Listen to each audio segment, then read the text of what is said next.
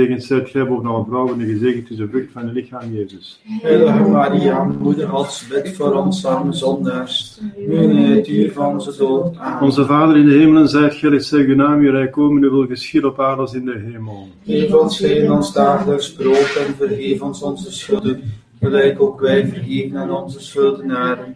En leid ons niet in bekoring, maar verlos ons van het kwade. Amen. Heilige Jozef, Bid voor ons, heilige engelbewaarders, bid voor ons. in naam van de Vader en de Zoon, heilige. Amen. Ja, de micro ga ik zo dicht mogelijk bij mij zetten. Zo. Waarschijnlijk staat u nu wel hard genoeg, hè? Hopelijk niet te hard. Maar dat kan bij iedereen dus geregeld worden. We waren gekomen aan de zestiende les. De zestiende les van deze Mechelse catechismus en die heeft 35 lessen. We zitten bijna eh, in de helft. En de zestiende les gaat binnenin het geestelijke christelijke leven, waar we dus mee bezig zijn. Dat is het tweede gedeelte, het christelijke leven. Over de uitersten van de mens. De uitersten. Wel, dat zijn uitersten in de tijd. Hm? Wat is het uiterste van deze en dan van de aardse tijd? Dus wat is het aan het uiterste van onze tijd hier op aarde? Wel, dan zijn er verschillende uitersten waar je er van alles kunt over zeggen, want dat is belangrijk. Waarom is dat belangrijk? Wel, de eerste vraag luidt: welk is een van de krachtigste middelen om ons op te wekken tot het vermijden van de zonden en beoefenen van de deugd? En dat, is, heeft de catechismus niet uitgevonden, dat staat zelfs in de Heilige Schrift. Wel een der krachtigste middelen om ons op te wekken tot het vermijden van de zonden en het beoefenen van de deugd, is aan onze uitersten te denken. Dus hoe beter dat je eraan denkt, hoe meer dat je dus de kracht vindt om de zonde te vermijden en de deugd te beoefenen. aan onze uitersten te denken. Ah, want hij zegt hetzelfde catechismus. En verwijst naar de Heilige Schrift, want de Heilige Schrift zegt in al wat je doet, denk aan uw uitersten en in eeuwigheid zult je niet zondigen. Einde citaat. Ja, in eeuwigheid, dat wil zeggen, dit leven niet, en na dit leven zult je niet meer zondigen als je naar de hemel bent, want in de hemel wordt niet meer gezondigd. Maar het gaat dus vooral op aarde. Dus het gaat over de uitersten in de tijd. En dat gaat nu uitgelegd worden. Dat is de volgende vraag. Dus de eerste vraag toont het belang ervan. Waarom dat de, de, de catechismus een speciale les, een volle les, besteedt aan de uiterste van de mens. Een volle les. Omdat het een van de krachtigste middelen is om naar de hemel te gaan. Want dat is juist naar de hemel gaan, dat is de zonde vermijden en de deugd beoefenen. Dus het is heel belangrijk, want het is een van de krachtigste middelen. En dus dan gaan ze uitleggen, wat zijn nu die uitersten van de mens? Door de uitersten van de mens verstaat men het laatste wat de mens overkomt. Het uiterste van zijn leven. Het einde van zijn leven. Het laatste wat hem overkomt, dat betekent, dat is de dood, het oordeel en dan de hel of de hemelse glorie. Er zijn dus vier uitersten, waarvan de twee laatste alternatieven zijn. Het is een of het ander. Het is niet allebei tegelijk. Maar iedereen gaat sterven, iedereen gaat geoordeeld worden, en dan is het of-of. Dus de eerste zijn en-en, en de laatste of-of.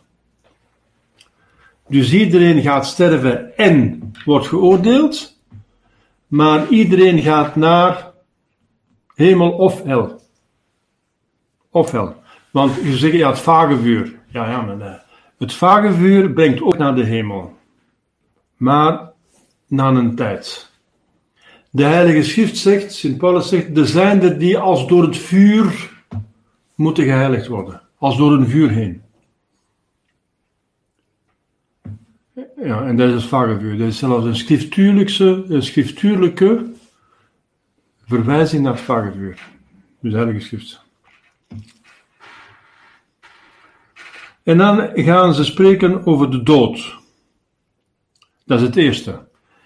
Dus het eerste van onze uitersten is de dood. Iedereen moet sterven. Iemand die zegt dat hij niet gaat sterven, die is zot. En die gaat ook sterven.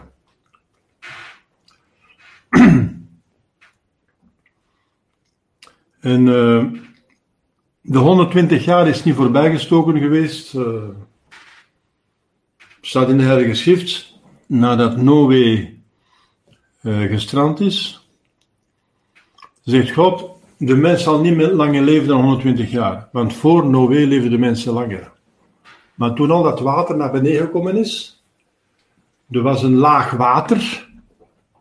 Een dikke laag water dat uh, boven de hemel was. Want in het begin geschiep God de wateren en er waren wateren boven de hemel en onder de hemel. De water onder de hemel heette de zee. En de water boven de hemel, dat is naar beneden gekomen is met de zonvloed. Want waar komt dan eens al dat water vandaan? Dat de ganse aarde bedekt tot boven de bergen. Dat is toch niet een regen, hè? Want de regen zou komen van de oceanen, hè? En, uh, en dan loopt dat terug. De regen is de cirkel. Is een uh, recyclage, hè? Dus de oceanen warmen op door de zon. Dat maakt wolken door de wind komen naar het land. Het land gaat naar omhoog. En als ze naar omhoog koelen ze af. En als ze afkoelen, dan condenseren ze. En dan valt dat zegen naar beneden. En dan je het weer via de rivieren naar de zee. En dan komt het zo altijd rond. Dus dat water dat van de wolken komt, dat komt van de zee. Dus hoe meer wolken, hoe minder water in de zee. Dus hoe minder, hoe lager de waterstand, hoe meer wolken, hoe lager de waterstand. En als alle wolken naar beneden komen, zoveel wolken, zoveel water is dat niet. Hè? Dat de ganse aarde bedekt wordt met een laag water, dat zelfs de hoogste toppen van de bergen bedekt. De, de, de mount, de, de bergketen Everest, de Everestberg is 8 kilometer, meer dan 8 kilometer hoog. Hè? Weet je wat dat is? Dus als alle bergtoppen worden bedekt en de oosten is 8 kilometer, je moet veronderstellen dat in de tijd van Noé ongeveer hetzelfde moet geweest zijn. dan heb je kilometers water over het ganse aardoppervlak. Weet je wat dat is? Dat is een hoop water, hè? Dat is enorm. Dat is een enorme hoeveelheid water. Enorm, enorm, enorm, enorm. En die enorme hoeveelheid water, dat kan dus niet van de wolken komen. Dat is dus onzin van te zeggen. Hè. Het heeft geregend en bleef regenen totdat het dus boven de berg kwam. Ja. Nee, dat is de bovenste uh, uh, dus laag, die gewoon helemaal naar beneden gekomen is. En die laag die is geschapen door God voor het goede in het begin. En dat is door de zonde van de mensen naar beneden gekomen. Dat is door de, want de zondvloed is een straf. En daardoor leven de mensen minder lang. Want die, die, die laag, dat was, die had een bedoeling. En een van de functies, dat was de schadelijke kosmische stralen tegenhouden. En nu worden we niet meer tegengehouden. Dus nu worden wij door de kosmische stralingen gebombardeerd, zodat niemand ouder wordt dan 120 jaar. Dag en nacht gebombardeerd. Dus wij worden dus meer, uh, want dat water dat filterde die kosmische stralen. Je kunt daar verder over uitweiden als je wilt. Maar dat is de reden ook waarom er plots een regenboog opduikt. De eerste keer dat er van een regenboog gesproken wordt, dat is na de zonvloed. En er was een regenboog en God zegt tegen dat zal het symbool zijn vanaf nu van mijn verbond tussen u en de mensen, dat ik de mensheid niet meer zal straffen met water. Een verbond. Verbond tussen God en de mens. Hij is verzoend. Want de kwaden zijn dood en degenen die overblijven zijn rechtvaardig. Dus de regenboog is de verzoening tussen God en de mens.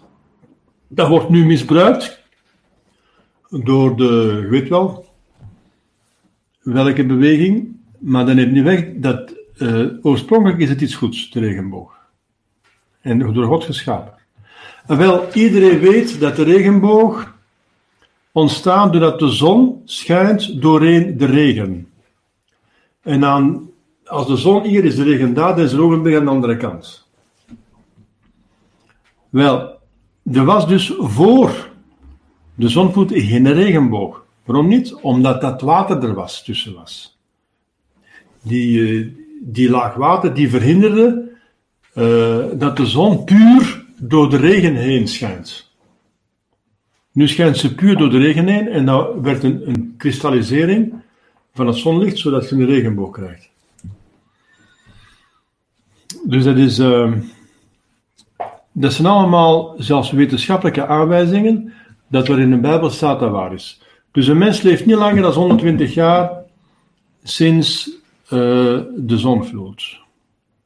En je kunt dat nagaan, hè? Je zegt ja, uh, er is een zekere Calmet, of Calmant, Mademoiselle Calmant, die zou 123 of zoiets geworden zijn. Maar het is nu uitgewezen dat hoogstwaarschijnlijk dat een bedrog is. Dus hij is niet meer dan 120 geworden. Waarom niet? Wel, wat is er gebeurd? Om successierechten te ontgaan, heeft uh, mevrouw Calment, weet ze, Calment. In Wikipedia staat dat Calment officieel de oudste vrouw is, maar dat moet nu erzien worden en die heeft meer dan 120 jaar geleefd, 123 zoiets.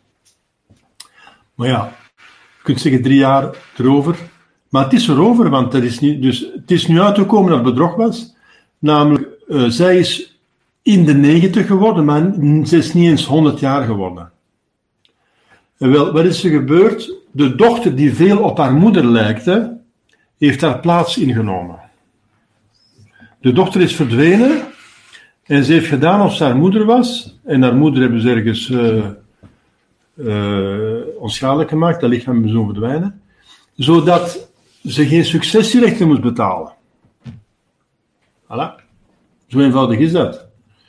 En bovendien, uh, men nam Calmat nog een lening lopen, een lijfrente. Dat betekent, zolang als ze leefde, mocht ze in een huis blijven wonen. En die dochter is dus in het huis blijven wonen, nog uh, twintig jaar langer. Gratis dus, hè. En die advocaat die uh, dat contact heeft, die is gestorven. Voordat het thuis in zijn bezit kwam. Dus de weduwe heeft nog moeten verder betalen. Dus ze hadden een contact, of dat zijn niet belangrijk, maar ik wil maar zeggen dus, dat is tussen haakjes, dat is een anekdote. Uh, dus de mensen, dus zelfs, dus het, het enigste geval dat geregistreerd is, dat iemand 122 jaar geworden is, is zelfs niet waar. Hoogstwaarschijnlijk. Dus nu is er een ganse onderzoek bezig dat er waarschijnlijk een bedrog is van de dochter die de plaats heeft genomen van haar moeder om te ontsnappen aan onkosten. Dus dat is een truc. Dus dat is niet waar. Ja. Dus niemand, dus iedereen gaat sterven. En het is zelfs uitgemaakt, staat in de Heilige Schrift en staat ook in de realiteit vast, dat niemand de 120 jaar voorbij steekt. Niemand.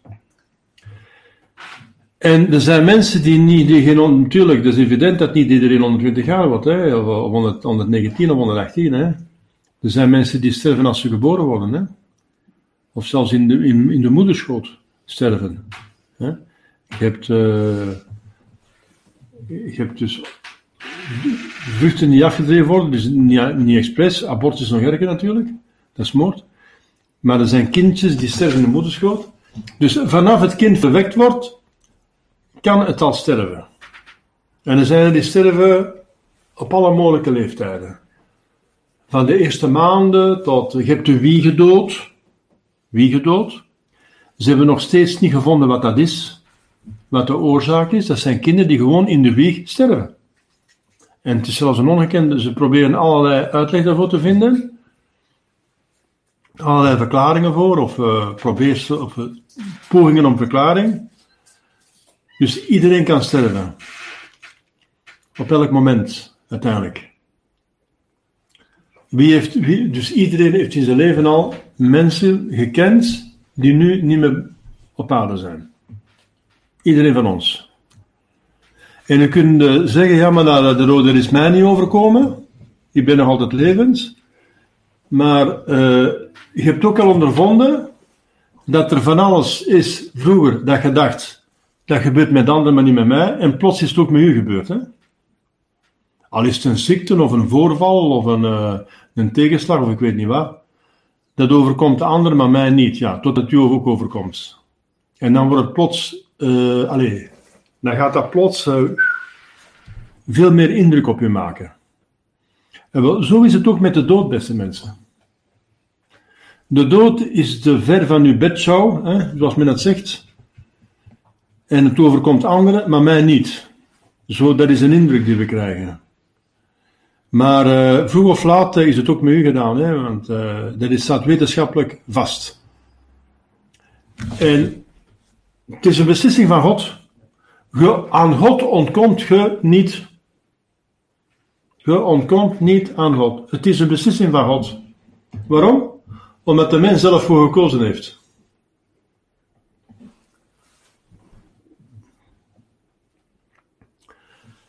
Jezus heeft, God heeft gezegd,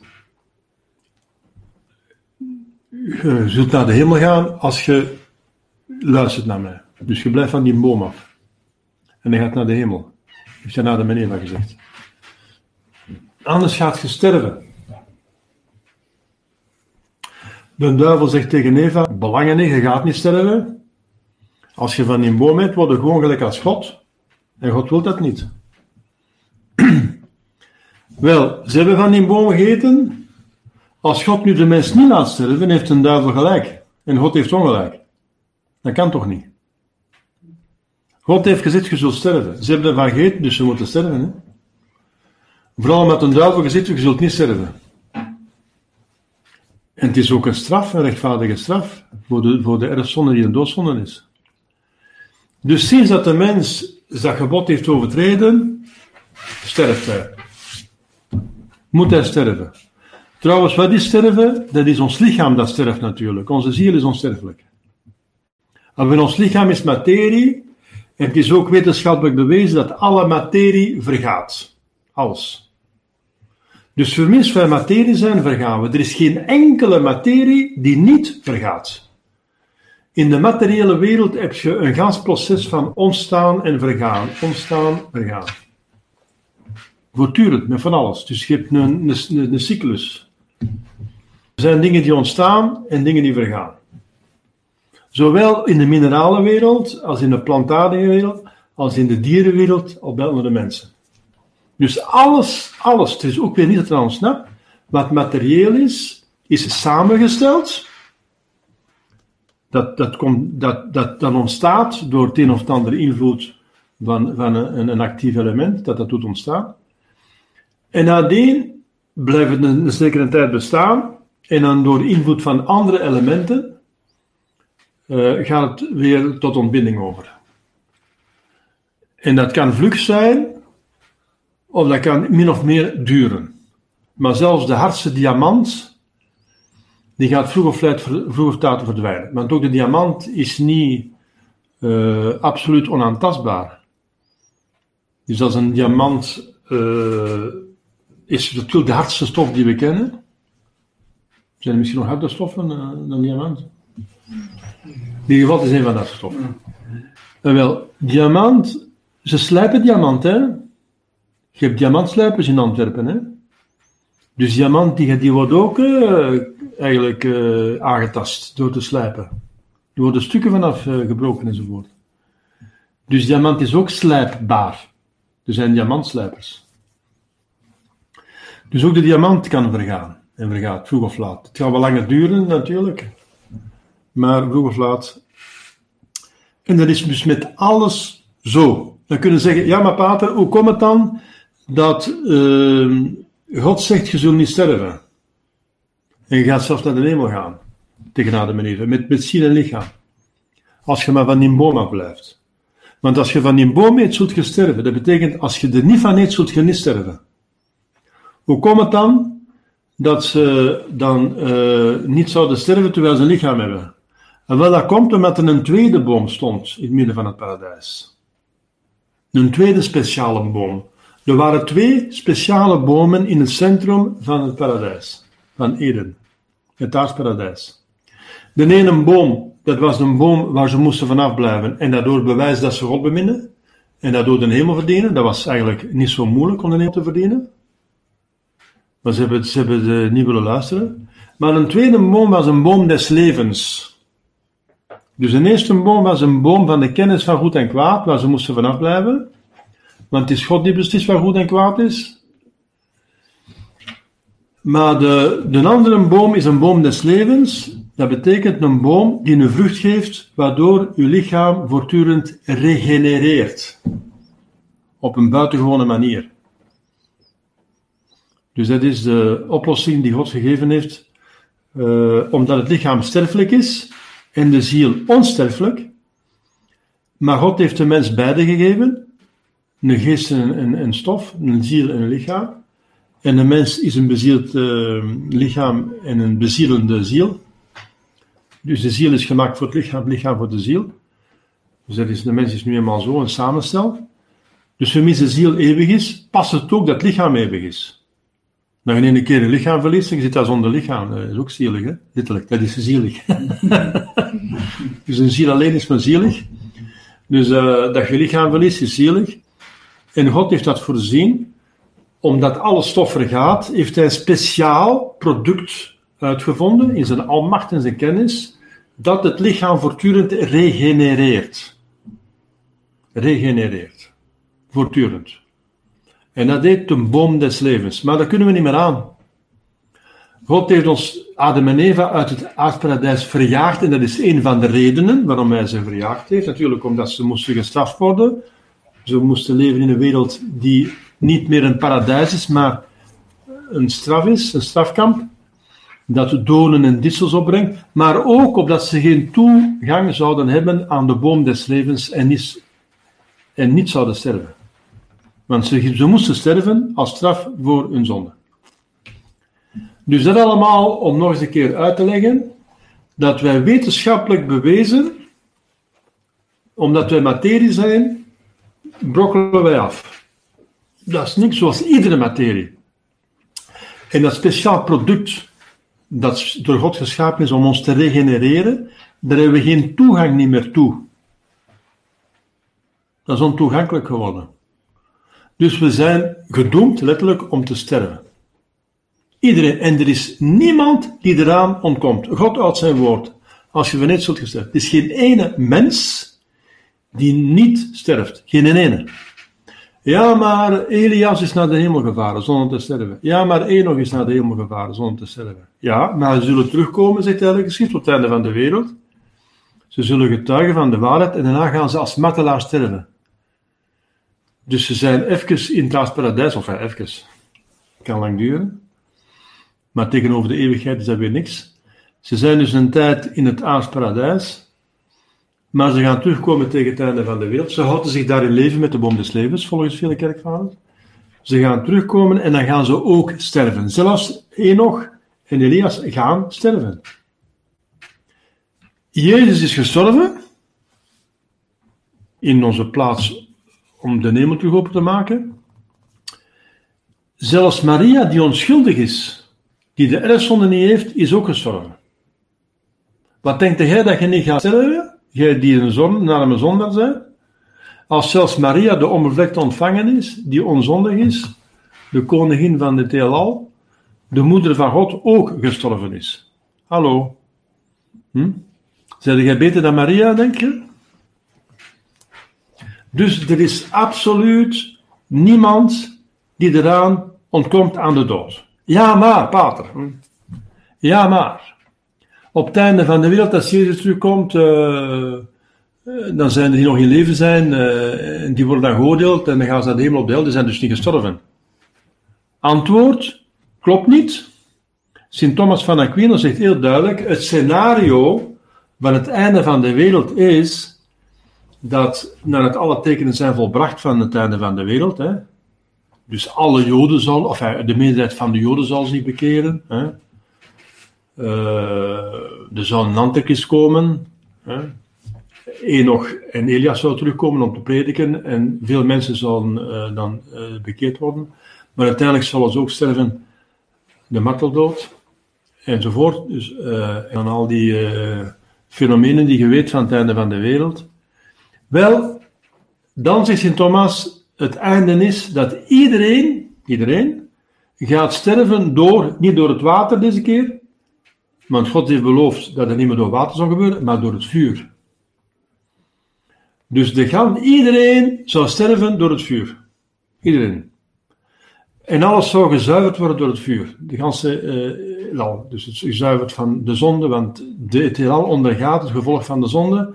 Want de aarde uh, de, de, zichtbare wereld is het domein van de mens. De mens is de koning van de zichtbare wereld. Want de mens is het meeste werk van de zichtbare wereld. Je hebt de gradatie, je hebt de mineraal, de planten, de dieren en de mens. De mens staat boven.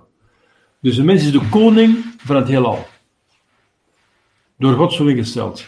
De koning heeft zwaar gezondigd tegen God. Dus de koning wordt gestraft in zichzelf, in zijn lichaam, in zijn ziel en ook in zijn hebben en houden. Dat wil zeggen in het heelal. Want hij is de koning van het heelal.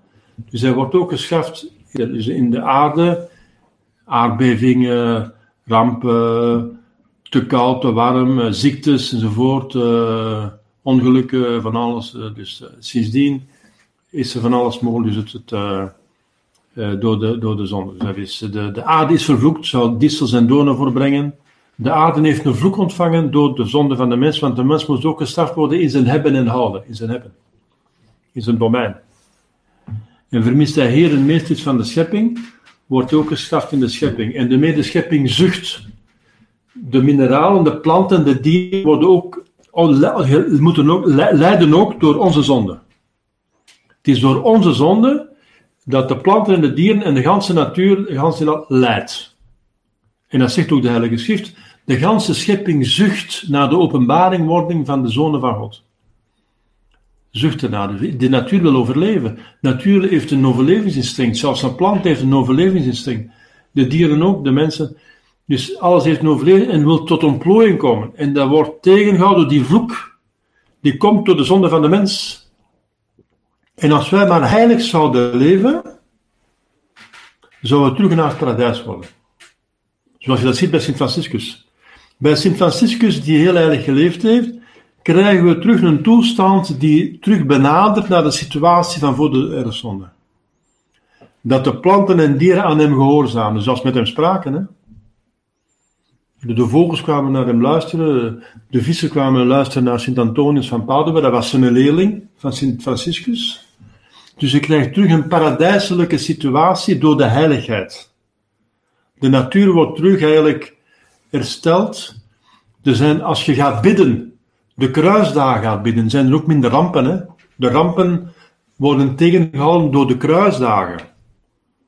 Hè? Door de processies die gehouden worden om de rampen af te weren.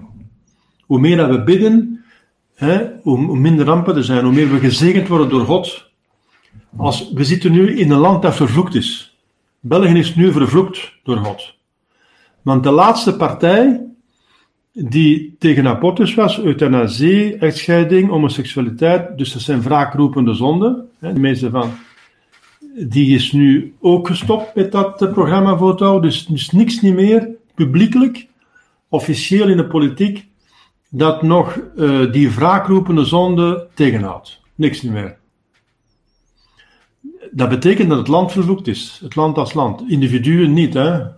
Als je een staat van genade zet, ik hoop het voor u. Maar het land als land is, is een vloek. Het is vervloekt. Zoals de aarde vloekt was naar de zonde van Adam en Eva. Want het zijn wraakroepende zonden. Dat hebben we juist gezien, hè? We hebben dat juist gezien als de vorige les. De vorige les is.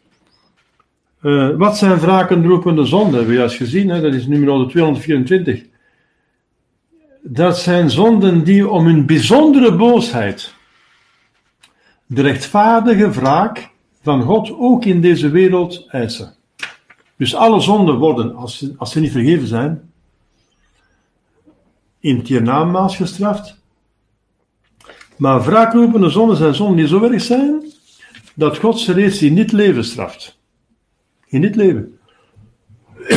dus dat er een land voor abortus is, euthanasie, dat is nog erger dan abortus, volgens Sint Thomas. Want abortus is uw kinderen doden, maar euthanasie dat zijn uw ouders doden. Dat is nog erger. Degene die u het leven gegeven hebben, die gaat het leven ontnemen. Dat is nog meer tegen de natuur. Dat is nog erger.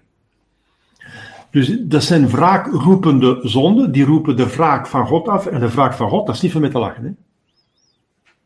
De wraak van God, dat is verschrikkelijk.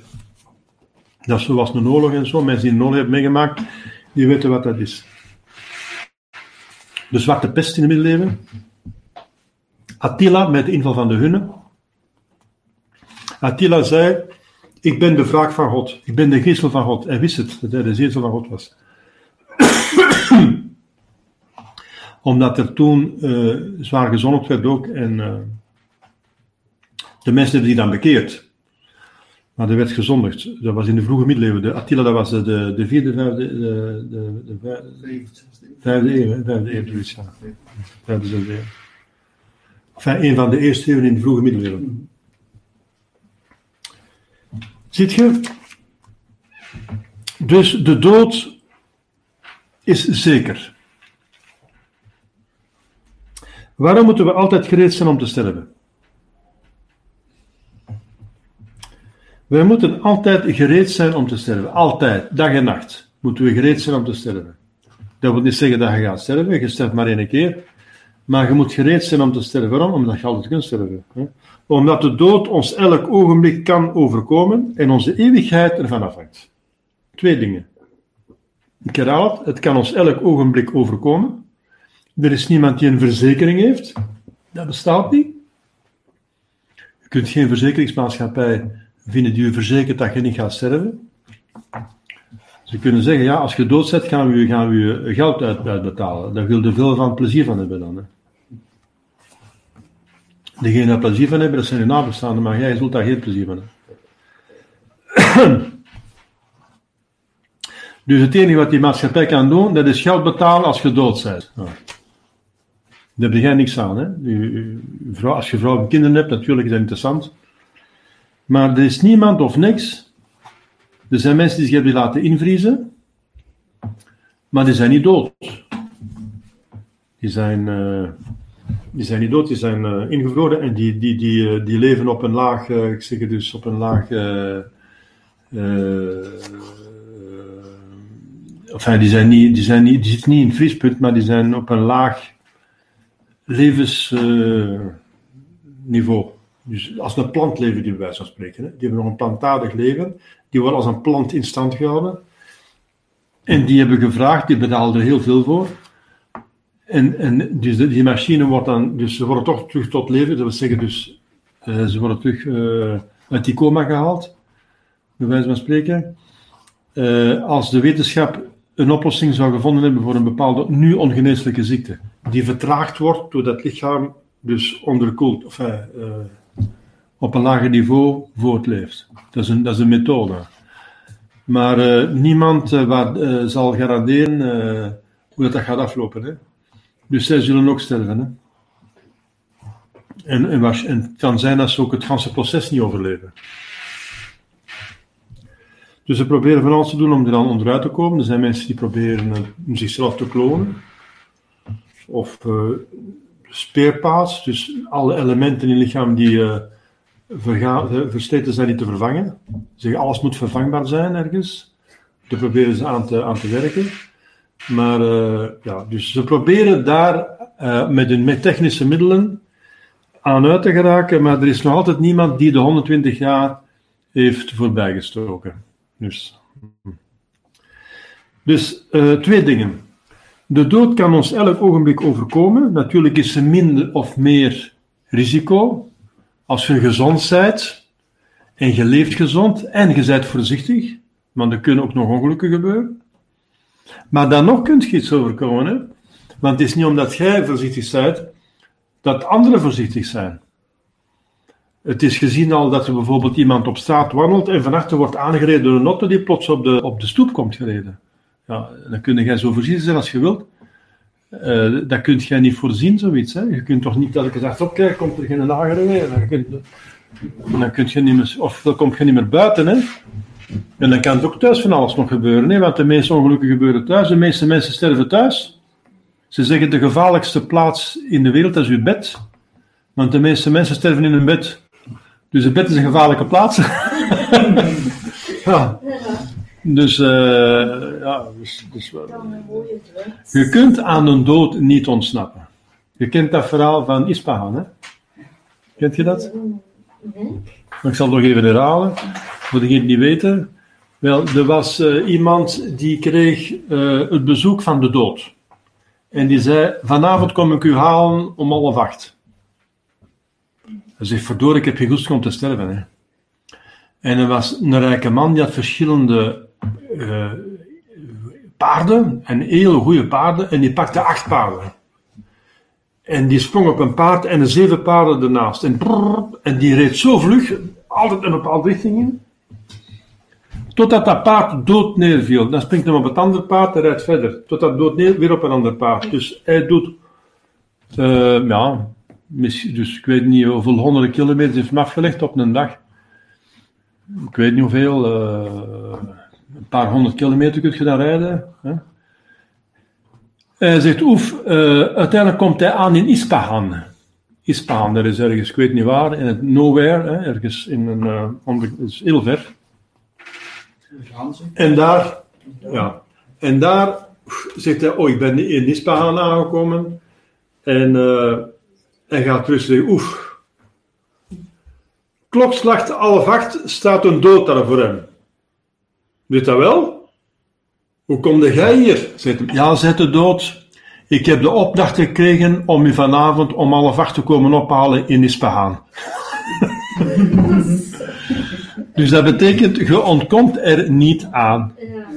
Je ontkomt, al gaat geen tipste van de zee, zegt op zelf, of in, in het hoogste van het firmament, of in de bergen, of je gaat, ik weet niet waar, je gaat naar de Noordpool of de Zuid, of de Nevenaar. Je gaat u verstoppen in een grot, of ik weet niet waar. Hm? De dood vindt u weet u te vinden.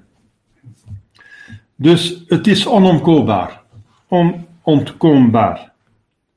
En de dood kan ons elk ogenblik overkomen. Wij hebben natuurlijk, uh, dus ik zeg het, dus min of meer kansen. De kans is klein dat uh, iemand die gezond is en voorzichtig leeft sterft, maar de kans is er wel. Want je kunt plots, uh, en tegenwoordig zelfs zijn de mensen die in de straat worden neergestoken, hè, die krijgen plots een dolk in hun rug. Dat is tegenwoordig ook weer uh, een nieuwe kwaal. Door, uh, weet wel, door welke bevolkingsgroep die uh, rare ideologie erop nahoudt. Hè. Hm? Dus, ja. Dus verwarde oude mensen. Dus je kunt neergestoken worden door een verwarde oude man, heet dat tegenwoordig, officieel. Politiek correct heet dat een oude verwarde man. Dus een oude verwarde man kan je neersteken. Val door de jongeren. Huh? Val door de jongeren. Ofwel door jongeren, ja. Belgische jongeren. dat dan? Of je politiek correct? Je kunt door Belgische jongeren of door verwarde oude mannen neergestoken worden. Hè? Volgens de media. Dat gebeurt nu ook. En dan, dan word je neergestoken, welke leeftijd dat je ook hebt. Hè? En uh, ja, een ongeval, dat kan iedereen overkomen. Ik heb nog gehoord van iemand in, in de buurt dat hij op 43 jaar plots op een paar dagen tijd gewoon van de kaart geveegd is. Op een paar dagen tijd. Plots vindt de dokter drie gezwel in het hoofd, die hem niet zien aankomen. Hij begon verwacht te worden en hij drie gezwel in het hoofd. Twee hebben ze kunnen weghalen. De, de, man is in de coma geraakt en dan was hij dood. Dus het heeft een paar dagen geduurd. Hij begon verward te spreken. Ze hebben zijn hersenen onderzocht. Drie gezwellen gevonden, twee weggehaald en hij was weg. Dat heeft 43 jaar en heeft een paar dagen geduurd. Dus een man die nog volledig functioneerde met vrouw en kinderen en een werken al wat hij wil. En na een paar dagen was hij, uh, voilà, begrafenisplechtigheid. Wat is het zekerste middel? Dus er zijn twee dingen. De dood kan elk ogenblik overkomen en onze eeuwigheid hangt ervan af. Dus de meditatie is belangrijk dat je weet waar het over gaat. Want uh, het is het overwegen van uw uiterste die het krachtigste middel is. Dus dat overwegen, dat betekent, je moet goed overwegen. Je moet weten waar het over gaat. Je moet het goed beseffen. Dus het kan elk ogenblik overkomen. Het gaat ons zeker ooit overkomen. Er is geen ontkomen aan. Zoals Maria is gestorven. Iedereen is, is sterven zal sterven. Zelfs Enoch en Elias. Zelfs de mensen op het einde van de wereld zullen ook sterven. Iedereen. En uh, ja, dus op het einde zal iedereen sterven door het vuur. En dan is de algemene opstanding en dan wordt iedereen geoordeeld. Dat is volgens Sint Thomas en dat staat ook in de Heilige Schrift. Hè. Hier en daar verspreid. Dus het scenario van het einde van de wereld is: iedereen sterft door het vuur, iedereen zal verrijzen, iedereen wordt geoordeeld en dan heb je dus ofwel hemel ofwel hel. Want vagevuur bestaat niet meer op het einde van de wereld. Wel, dus, uh, dan wordt dus, um, het vagevuur bestaat maar tot aan het einde van de wereld. Dus de, de dood kan ons elk ogenblik overkomen. En, belangrijk punt, goed beseffen, de eeuwigheid hangt ervan af. En dat kunt je nooit genoeg beseffen. Want wij kunnen niet beseffen wat de eeuwigheid is, omdat het geen einde heeft. Het is eindeloos. Hoe kunt je nu iets eindeloos voorstellen? Je kunt je dat niet voorstellen, iets eindeloos. Eindeloos. Hoe lang gaat dat duren? Eindeloos. Dus onvoorstelbaar, letterlijk. Onvoorstelbaar. Ik geef vaak dat voorbeeld in de retraite van, uh, dat weet je wel, van die planeten, die wordt overgebracht. Stel je voor dat er om de miljarden jaar één korreltje zand wordt overgebracht door een raket van de aarde naar Mars. Hoe lang gaat het duren dat de ganse aarde overgebracht is naar Mars? Om het miljard jaar één korreltje. Dat gaat lang duren, hè? Maar omdat aarde een, niet een oneindig zandkorrels heeft, maar een bepaald aantal, enorm aantal, maar toch bepaald, zal het ooit ophouden. Ooit. Gaat lang duren, hè? Om het miljard jaar één kolosse. Dat gaat lang duren, hè? Lang, hè? Voor de ganse aarde. Want weet hoe groot de aarde is. Lang duren, hè? Wel, maar het zal ooit wel stoppen. Want het is niet onuitputtelijk, de aarde. Er zijn er heel, heel veel, maar het is niet onuitputtelijk. Dus het stopt ooit. Dus ook dat is een beperkte tijd. Een enorme tijd, maar toch zal ooit stoppen. Wel, de, de eeuwigheid stopt nooit. De eeuwigheid is oneindig. Dus het verschil tussen die tijd van die miljarden jaren, eh, elk miljard jaar één korreltje zand overbrengen van de aarde, hoe lang gaat dat duren? Dat is een beperkte tijd. Het verschil tussen een beperkte tijd en een oneindige tijd, het verschil tussen iets beperkt en onbeperkt is oneindig. Ah, wel, dus die in een lange tijd, dat je niet kunt voorstellen, dat elk miljard, je kunt zelfs een miljard jaar niet voorstellen, maar dat een miljard, dat is een, een duizend miljoen. En een miljoen is duizend, duizend, duizend keer duizend jaar. En duizend jaar is tien keer honderd jaar. We worden niet eens, de mens wordt niet eens honderd jaar. Dus miljard, één miljard jaar, één korreltje zand van de aarde. Hoe lang gaat dat duren? Onvoorstelbaar lang. Wel, dat is oneindig minder dan de eeuwigheid. Want het staat ophouden en het verschil tussen iets dat ophoudt en niet ophoudt is nog oneindig. Het verschil tussen iets eindig en oneindig is nog oneindig. En dat is de eeuwigheid, beste mensen. Dus dat is iets heel erg ernstig. Dat gaat niet over een paar jaar. De mensen werken zich half dood om een pensioen te hebben, om een goed pensioen te hebben. En dat gaat over een paar jaar, je weet niet hoeveel jaar. Er zijn mensen een pensioenleeftijd moeten behalen. Hè? En als ze hem behalen, uh, zijn ze dood na een paar jaar of zo, we weten het niet. Als ze normaal zijn ze al 60, 65 jaar. Uh, en dan, uh, ja, hoe lang hebben ze nog te leven? De meeste mensen leven niet meer dan 80 jaar, in de 70. De gemiddelde leeftijd zit niet boven. De gemiddelde leeftijd is zelfs minder dan 80 jaar. De gemiddelde leeftijd ligt niet boven de 80. Dat ligt dus voor de, in, de mannen 2,73 en voor de vrouwen uh, 6,78. het wisselt zo'n beetje. Dus niet, nee, niet eens een 80 jaar. Dus als je pensioenleeftijd hebt, heb je nog gemiddeld nog niet eens 15 jaar te leven. Als, uh, gemiddeld. Niet eens 15 jaar. Niet eens. Voor de mannen zelfs van geen 10 jaar. En heb je gans leven vooraf gedragen. Voor, voor een paar jaar. Voor 10, niet eens 15 jaar gemiddeld. Hè? Maar ja, en daar sloven de mensen zich vooraf. En daar zijn ze vrienden weer. Dan gaan ze voor uh, politieke partijen en dingen en over discussiëren en ik weet niet wat. Dat is heel belangrijk. Het gaat over 15 jaar, mensen, niet eens 15 jaar. Maar dit gaat over uw eeuwigheid. En dat is zeker. Je kunt zeggen, ja, maar wie vertelt dat? Uh, het is wetenschappelijk bewezen dat uw ziel onsterfelijk is, dat uw ziel uh, uh, een geest is. Je kunt dat wetenschappelijk bewijzen. Aristoteles heeft dat bewezen, dat je een ziel hebt die, die geestelijk is, die onsterfelijk is en die dus eeuwig is. Dat kun je wetenschappelijk, filosofisch wetenschappelijk bewijzen. De echte filosofie is een wetenschap, je kunt dat wetenschappelijk bewijzen. Het bestaan van een ziel, dat ze geestelijk is en onsterfelijk is. Wel, het is zeker wetenschappelijk bewezen dat uw ziel onsterfelijk is. En wat doet je voor je ziel? Om, omdat je goed zal zijn. Je, je, je zit pensioen te sparen en van alles te doen, af te dragen.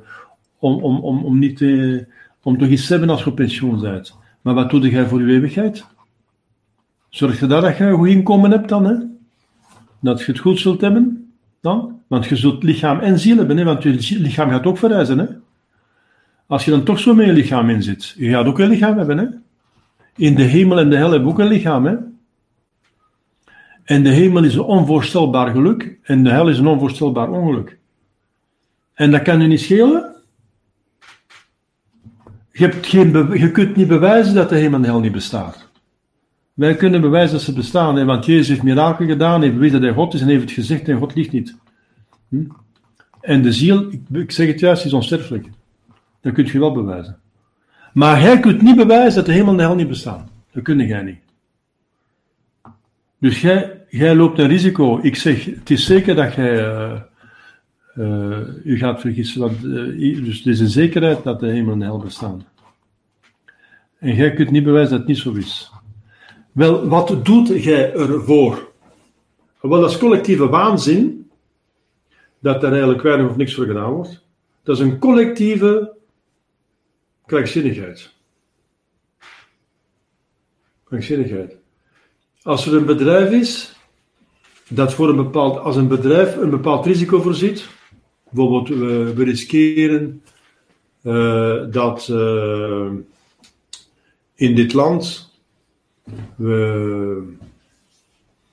dat uh, bijvoorbeeld het regime verandert, wordt een communisme en dan wordt alles staatseigendom. En wel, als er een kans is dat dat zo is, dan maakt dat bedrijf zich uit de voeten, die gaat maatregelen nemen voor een risico dat ze voorzien. Iedereen gaat maatregelen nemen. Iedereen die een risico voorziet, die gaat maatregelen nemen. Dus een risico voor of dat, er worden maatregelen genomen. En als ze dat niet doen, gaan ze failliet. Hè? Dus iedereen die weldenkend is, maar voor dit risico, dat enorm is, dat trouwens geen risico is, want we kunnen bewijzen dat het zeker is, daar worden dan geen maatregelen genomen. Dus het is onvoorstelbaar. Dom, krankzinnig, krankjorum, geschift. Want uw eeuwigheid hangt er vanaf. Het is zeker dat je zult sterven. Het is zeker dat uw ziel onsterfelijk is. Het is zeker, uh, waar gaat jij terechtkomen? En, en,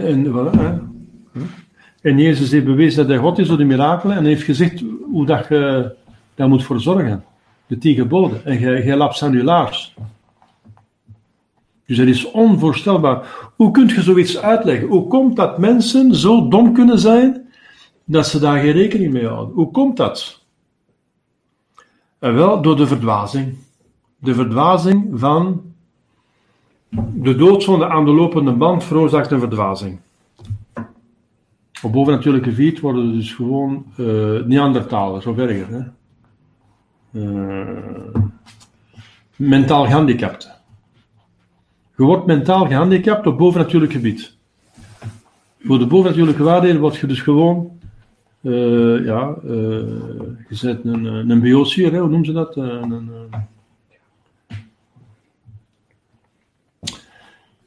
dus het is onvoorstelbaar dom. Het is zeker dat de ziel onsterfelijk is. Het is zeker, dus dat is de eeuwigheid. En dat uw eeuwigheid afhangt uh, van de, hoe dat je bent in de dood. Want de toestand van uw dood, dat zal bepalen hoe dat je terechtkomt. Als je dan vriend bent met God op het moment dat je sterft, gaat God zorgen dat je goed goed hebt. Als je met de vijand van God bent, hoe kan God u dan belonen als je zijn vijand bent? Want God, dat kunt je ook wetenschappelijk bewijzen dat hij bestaat. Hè? Dus interessant, hè? Dus eigenlijk zouden uh, de moderne mens, zouden eigenlijk die, die, die bewijzen moeten voorleggen.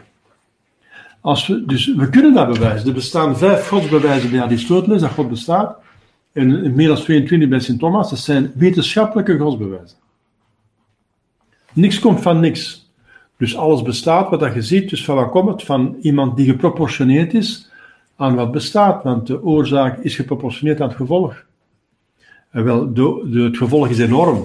Een zeer ingewikkelde macrocosmos, microcosmos, plantenwereld, dierenwereld. Dus je hebt een geweldig verstand. Een, geweldig verstand.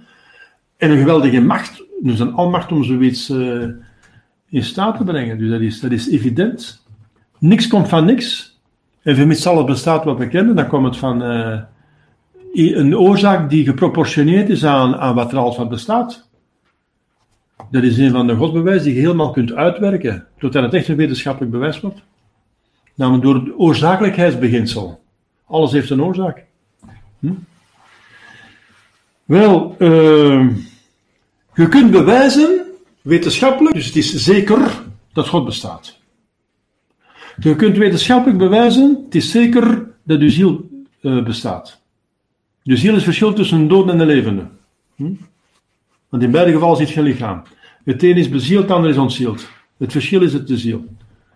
Dus het bewijs dat de ziel bestaat, is dat er een, verschil, een bewijs is dat er, dat er een verschil is tussen leven en een dood. Want dat is de ziel.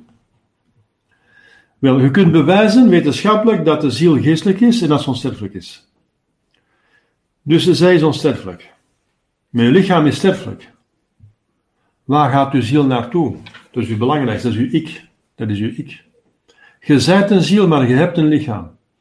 Een lichaam kunt je afleggen, kunt je terugkrijgen, maar je zijt ziel. Dat zeg ik jezelf, dat is uw ik, dat is mijn verstand, geheugen en wil. Dat ben ik. Dat is mijn persoon. Mijn persoonlijkheid zit in de ziel.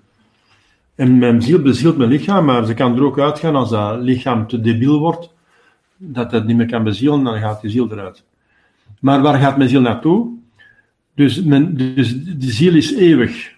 En wel, denk daar eens een keer over na. Of een keer. Voortdurend. In al wat je doet, denk aan je uitersten en in eeuwigheid zult je niet zondigen. Dat betekent je gaat naar de hemel. Weet je hoe belangrijk dat is? Dus ik dring aan, opdat je zo gaat beseffen wat dat is. Dus welk is het zekerste middel om zalig te worden? Te sterven. Dus dat de dood toch zeker is. En je wilt sterven zodat je in de zaligheid terechtkomt. De zalig sterven betekent, ik ga dood en ik ga naar de eeuwige zaligheid, het eeuwige geluk. Wel, het zekerste, de superlatief, middel om zalig te sterven, betekent dat je na je dood naar de hemel gaat, is altijd, altijd te leven als goede christenen. Altijd, hè? Dus christenen, niet als boeddhist of islamiet of ik weet niet wat, of uh, New Age of ik weet niet wat, of politiek correct. Nee, als christen. Een goede christen. Dat betekent dat je, dat je niet in doodzonde bent. Dat je niet in doodzonde bent, een goede christen bent. Want je kunt een christen zijn, dat wil zeggen, je hebt een onuitwisbaar merkteken van een doopsel, je bent christen, maar je kunt in doodzonde leven. Als je in doodzonde leeft, uh, dan, zet je geen, dan zeg je een slechte christen. een goede christen en altijd te leven als goede christen. Dus je gaat uh, je best doen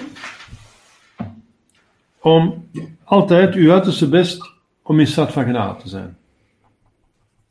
Dat is heel belangrijk. En gaat, dat is het belangrijkste van alles. Want daar hangt uw eeuwigheid vanaf. Altijd. Dus geen moment verdragen dat je in doodzonde bent. Want je kunt sterven. En als je in doodzonde sterft, dan is dat de knop voor eeuwig. Dus denk aan de ernst van de situatie.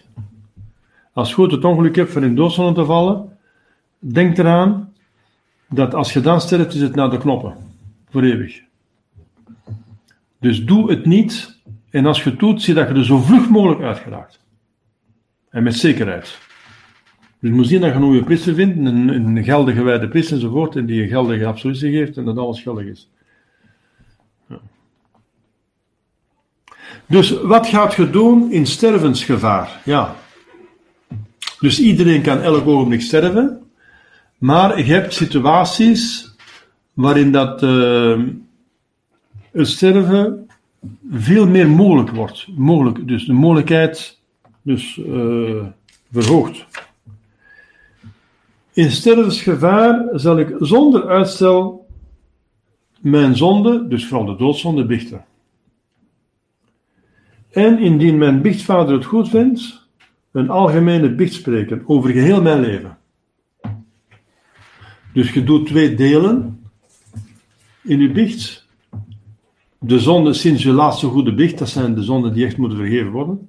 En dan een algemene biecht over al je leven, om nog eens een keer uw vagevuur zo klein mogelijk te maken. Want door de devotiebicht, de bicht van steeds vergeven zonden of van dagelijkse zonden, dan vermindert je uw vagevuur. Dus de hel vermindert je, dus, uh, verhindert je bedoel ik, door je doodzonde te bichten. De, het vagevuur door de dagelijkse zonde te, te bichten.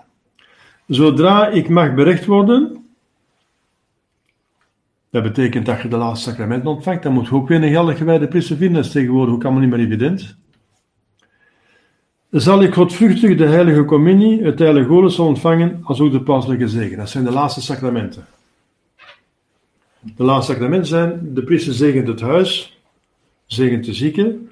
Daarna kan hij biecht horen. Daarna krijgt hij het heilige golfsel. Daarna de communie en de pauselijke zegen. Pauselijke zegen die dan een volle aflaat geeft.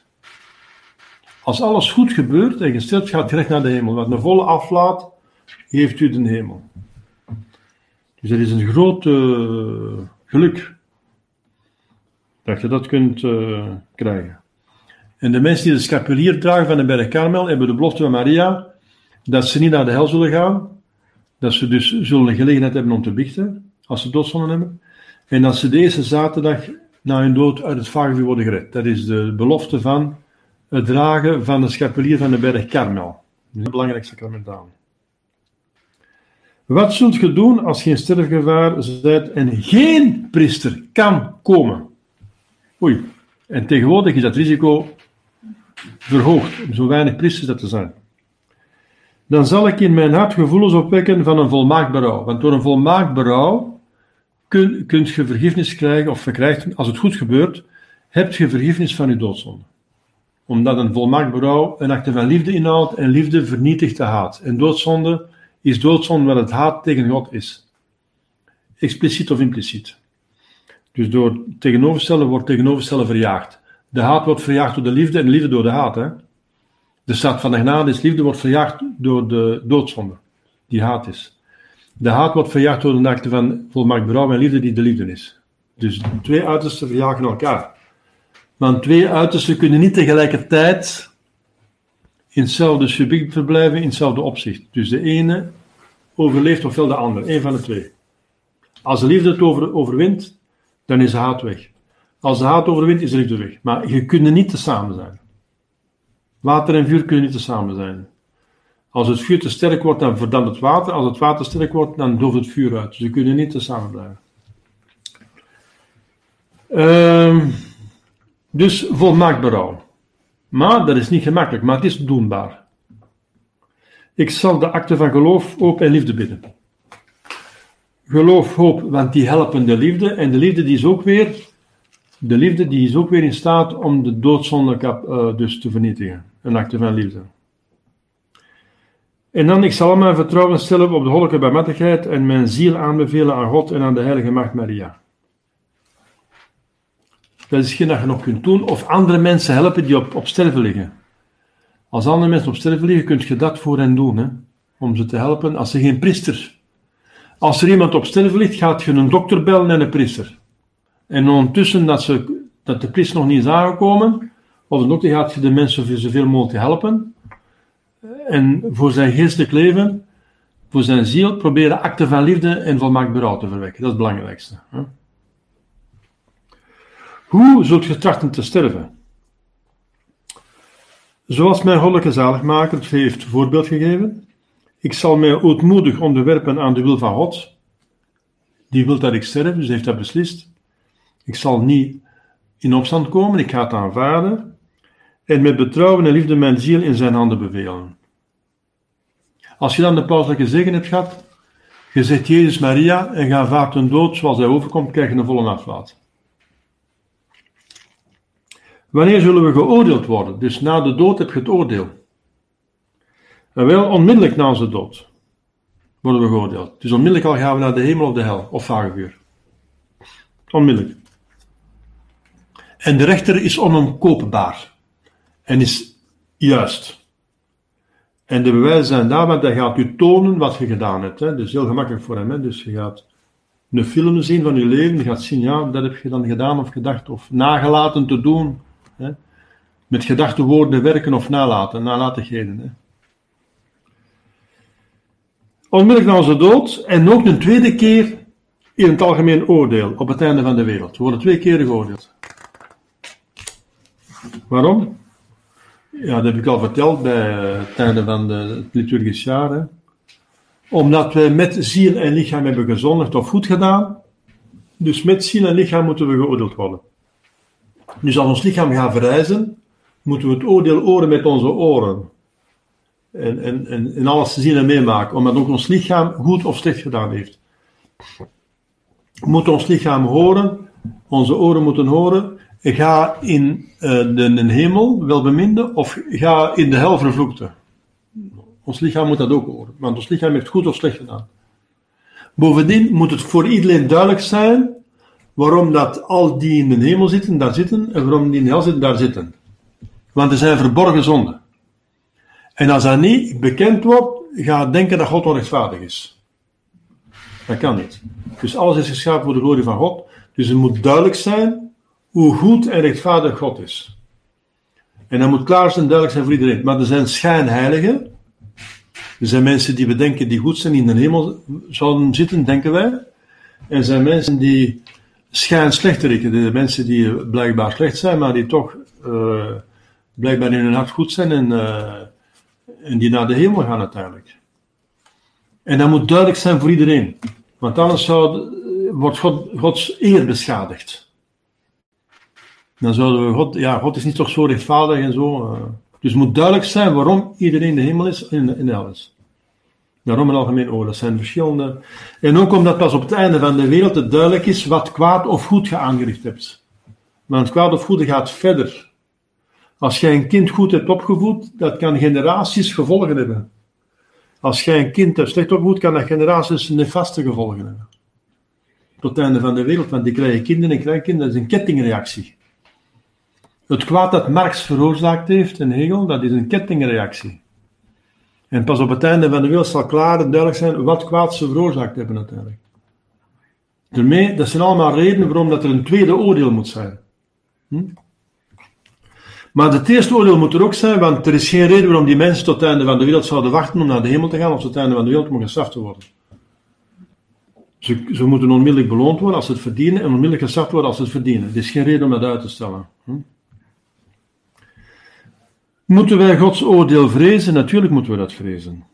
Omdat God een strenge en onverbiddelijke rechter is en zijn vonnis onwederroepelijk. Er is geen hof van beroep. Want een hof van beroep is als, voor als de rechter een fout maakt. En God maakt geen fouten. Hij weet alles en hij maakt geen fout. Het is oneindig rechtvaardig. Je zult zelf zien dat het rechtvaardig is. Hij zal het duidelijk. Je zult zelf zien dat God oneindig goed rechtvaardig is. Iedereen die in de hemel weet, die, zit, die weet waarom. Dat komt door de verdienst van Jezus Christus, omdat ik meegewerkt heb met Jezus Christus. En iedereen in de hel zit, ja, dat is door mijn eigen fout. Hè. Ik heb de genade verworpen en ik heb slecht gedaan. Ik had goed kunnen doen, maar ik heb slecht gedaan. Ik heb het goede kunnen doen. Het lag maar voor het grijpen en ik heb het niet willen doen. Het is duidelijk. Met volle kennis en volle toestemming. Want anders is geen hel. Hè?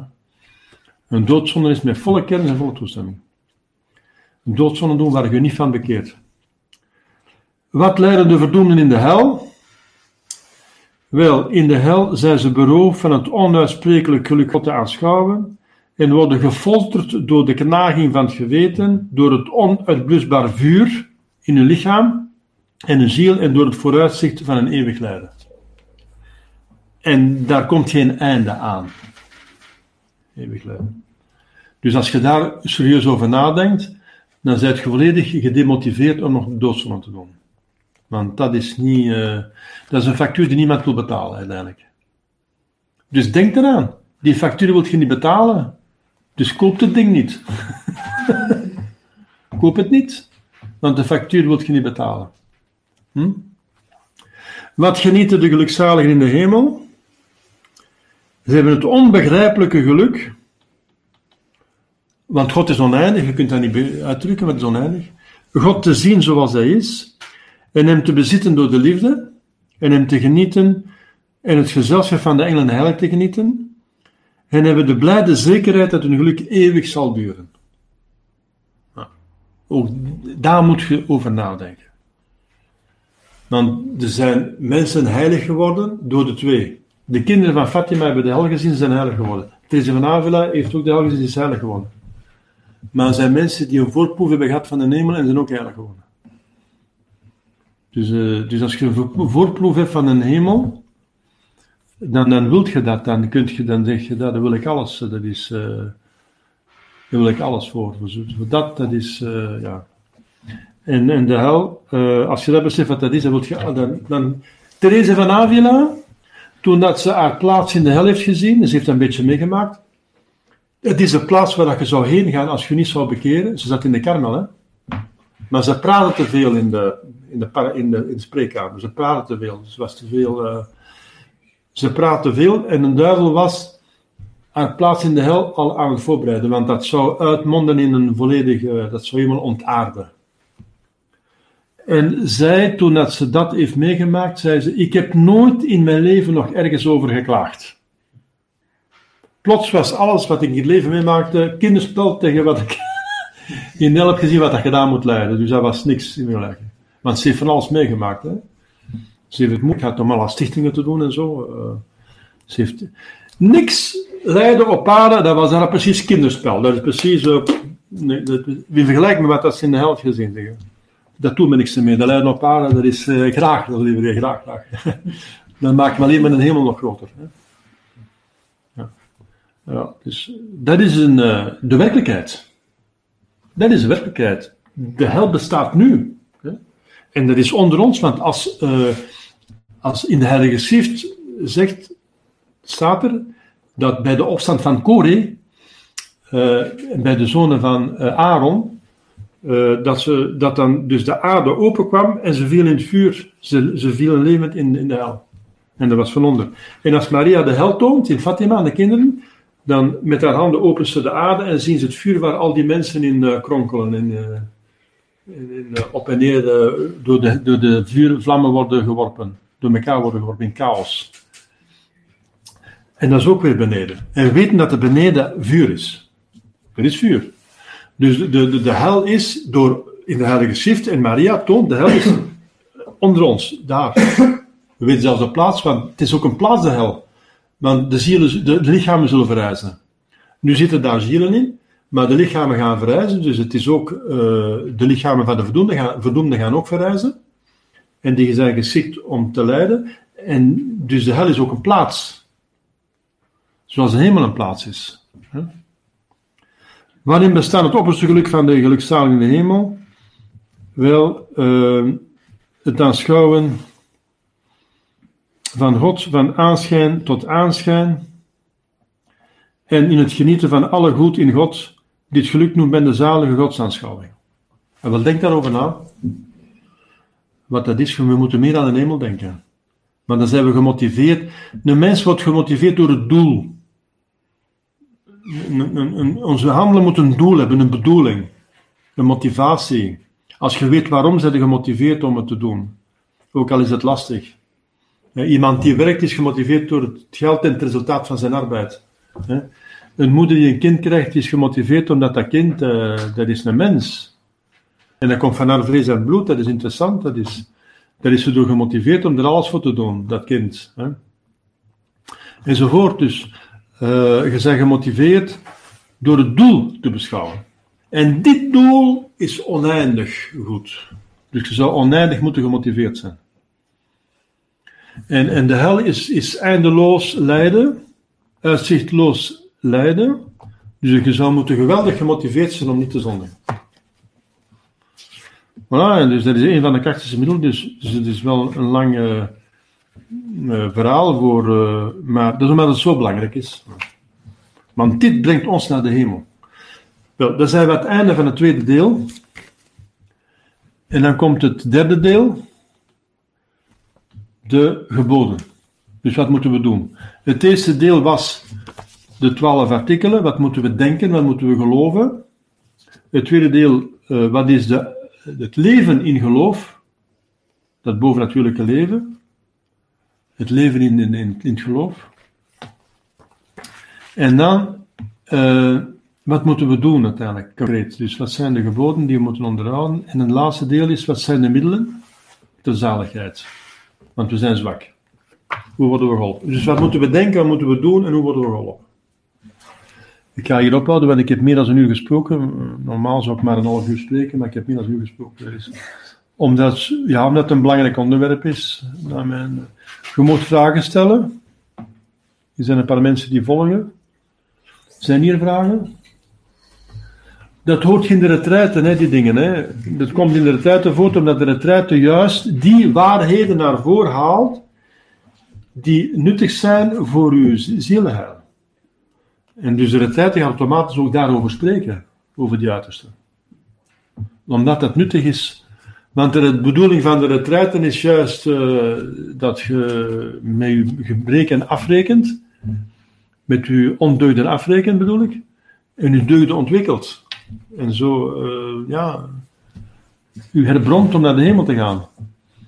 En dat is de reden waarom dat, dat ook in de retraite voorkomt, van Sitiniaasjes en in de meeste retraites. Had je nog een vraag, Jan? Iemand die plotseling doodvalt. Iemand die plotseling doodvalt, ja? En uh, er komt geen priester bij. En er komt geen priester bij? Wat gebeurt er dan met die mens die niks ontvangt, die plotseling doodvalt? Die plotseling doodvalt, ja. Dan zal die geoordeeld worden.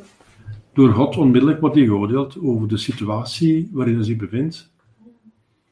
Maar wij kunnen niet oordelen, hè?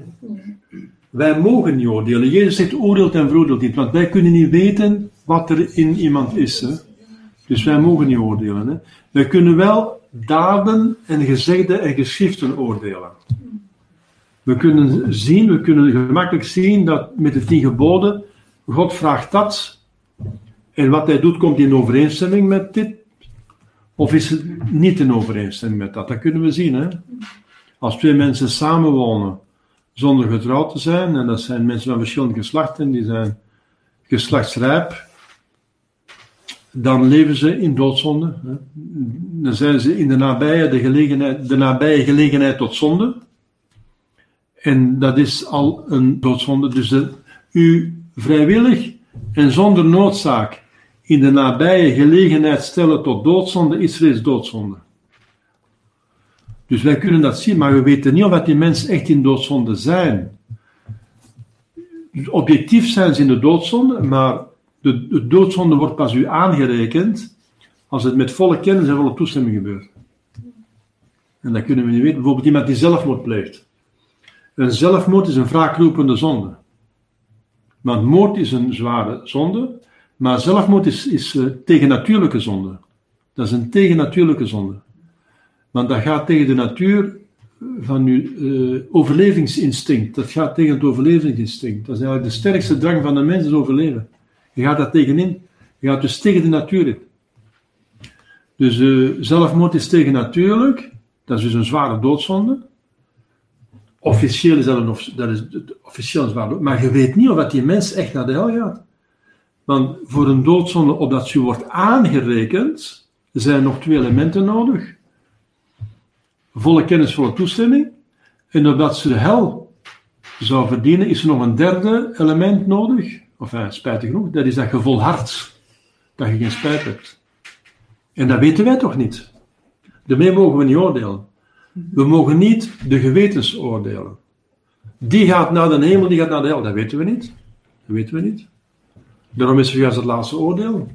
Omdat het zou weten wie de hemel hel en waarom.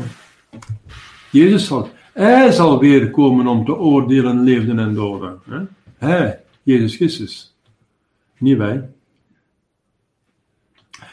En wij mogen dus niet oordelen, maar we moeten wel de daden, de gezichten en de schriften oordelen. Want we kunnen niet zeggen dat het goed is dat mensen samenwonen als ze ongetrouwd zijn. Dat mogen we niet. Dan, dan, dat is, dan, dan gaan we het kwade promoten. Hm? Wij moeten zeggen dat abortus verkeerd, euthanasie enzovoort, dat dat allemaal verkeerd. Wij moeten dat zeggen. Wij moeten een kat en kat noemen. Wij moeten dat aan de kinderen zeggen, aan de mensen, eh, aan de kinderen opvoeden. Moet je tegenwoordig voorhouden. Je moet zeggen dat het verkeerd is. Ja, maar die doen zo. Ja, wel, ja, dan is dat verkeerd wat ze doen. Maar ik weet niet, als ze sterven, ik weet niet, als ze nu sterven, of ze naar de hemel of naar de hel gaan, dat weet ik niet. Dat kan ik niet zeggen, want ik, eh, ik weet niet in hoeverre dat ze het volle kennis en volle toestemming hebben. En, en volharding, ik weet niet. eh, hè. Dat bekende voorbeeld van die weduwe die bij de pastoor van Asch kwam. En die zei, pater, eh, eerwaarde, eerwaarde, pastoor, ik weet niet wat ik moet doen, mijn man heeft zich zelfmoord, ik kan niet meer voor hem bidden. Ik kan niet bidden, want hij heeft een doodzonde gedaan als hij stierf, dus ik kan zelfs niet voor hem bidden. Ja, zegt de pastoor, bid toch voor hem, bid maar, bid maar. Hoe kan dat nu? En wel zei, tussen, het, tussen de brug en het water heeft hij, heeft hij berouw gehad. Tussen de brug en het water, hij heeft zich in het water gegooid, hè? Is verdronken. Hij zegt, tussen de brug en het water heeft hij nog een berouw gehad. Dus wij kunnen nooit weten, we kunnen niet oordelen. Wij kunnen de gewetens niet oordelen. Maar ik zeg het, wij moeten de daden en de geschriften en de gezeten oordelen. Dat wel. Wat goed is, moeten we goed noemen. En wat slecht is, moeten we slecht noemen. Er staat ook in de schrift, vervloekt is hij die zegt dat goed is wat slecht is en wat slecht is dat goed is. Dat mocht je niet. Je moet duidelijk zeggen, dit mag en dat mag niet. Zie, Jezus zegt, ga het onderwijs, leer ze onderhoudende geboden, doop ze. Dus je moet, en wij vooral, de priesters, wij moeten zeggen, dit is goed en dat is slecht. Dat moeten we. Wij moeten zeggen dat en dat. Maar we mogen niet zeggen, die gaat, Jezus gaat, eh, die gaat naar de hemel, die gaat naar de weet je. God zal oordelen. We kunnen wel zeggen, indien hij volle kennis heeft gehad, indien het een doodzonde is, en indien het volle kennis en volle toestemming is, en heeft geen berouw gehad, dan zit hij zeker in de hel. Dat kunnen we wel zeggen. Maar we kunnen dat niet weten. Die drie laatste dingen kunnen wij niet weten. Het eerste wel. En die man heeft zelfmoord gepleegd. Dat is, bewezen. Maar dat hij volle kennis en volle toestemming en zo. Misschien was hij half zot van, heeft hij uh, alles zot van de medicamenten of alles zot van het verdriet. Je kunt zot worden van verdriet, hè. Ja, dus, uh, dus, die, dus één element moeten we oordelen. Je kunt nooit zeggen dat zelfmoord goed is. Dat moet je niet. Dat moet je niet. Dat moet je niet zeggen. Dat dat goed is. Dat, als, je dat, als je dat zegt, zondig je. Want dan gaat je tegen, dan gaat je tegen God in die zegt, je zult niet doden. En ook jezelf zult je niet doden. Dus, dus het eerste moeten wij oordelen, maar die drie andere dingen kunnen we en mogen we niet oordelen. En dan moet je goed voor de ogen houden. Want er wordt veel tegen misdaad. Veel mensen vergissen zich. Ofwel vinden ze alles goed. We zeggen oordelen en oordeel niet. Dus laten leven en leven en laten leven. We zeggen zon en laten zon. En alles is goed. Alles is goed. Jij woont samen, oké. Okay. Uh, proficiat, allez. Ik hoop dat je gelukkig bent. Uh, voilà. Iedereen, dat is, dat is verkeerd. Daar wordt je voor gehoord, vooral als je verantwoordelijkheid hebt en je hebt kinderen. En je zegt, je dat, gaat jij deel hebben aan hun zonde. Want je hebt de vreemde zonde, hebben ook gezien, hè? Vreemde zonde is zonde die je niet zelf gedaan hebt, maar je hebt, niet, uh, je hebt meegewerkt, of je hebt ze niet tegengehouden als ze komt tegenhouden. En dan het andere uiterste is, veroordelen wat slecht is, en zeggen wat goed is, maar ook zeggen, die gaat naar de hemel, die gaat naar de hel. Maar die gaat naar de hel, want die heeft zelfmoord gepleegd. Die gaat naar de hel, want uh, die, uh, die had een tweede vrouw of zo. Of zo. Dat weet je niet. Dat weet je niet. Als, als, als, als wel. Maar die als, je weet niet. Hè. Indien, indien, indien, dat weet je niet. God zal hem oordelen. Punt uit. En voor de rest, dat is onze zaak niet. God, dus ah, hier zijn ondertussen al uh, vragen verschenen. Berouw hebben is eigenlijk toch heel belangrijk. Ja, berouw hebben is dus belangrijk. Want zonder berouw is er geen vergiffenis. Ja. Dat klopt. In het berouw, in, het, in de biechtstoel is het onvolmaakt berouw voldoende. Buiten de biecht moet je een, moet je een, een volmaakt berouw hebben. Hier zijn nog uh, vragen. Zijn heiligen die hier op aarde opgebaard zijn, zoals de pastoor van Ars, heilige Catine Laboré en de heilige van Bosco, niet een teken van de hemel? Ja, je bedoelt dat je lichaam niet vergaan is. Ja. Dat betekent, ze zijn wel dood, hè. Maar de lichamen zijn niet vergaan en dat is een soort mirakel. Ja. Een lichaam dat niet vergaat. Er zijn verschillende lichamen, zijn er veel meer dan dat. Hè. Er zijn uh, tientallen, meer dan, tussen de 10 en 20 als ik goed herinner.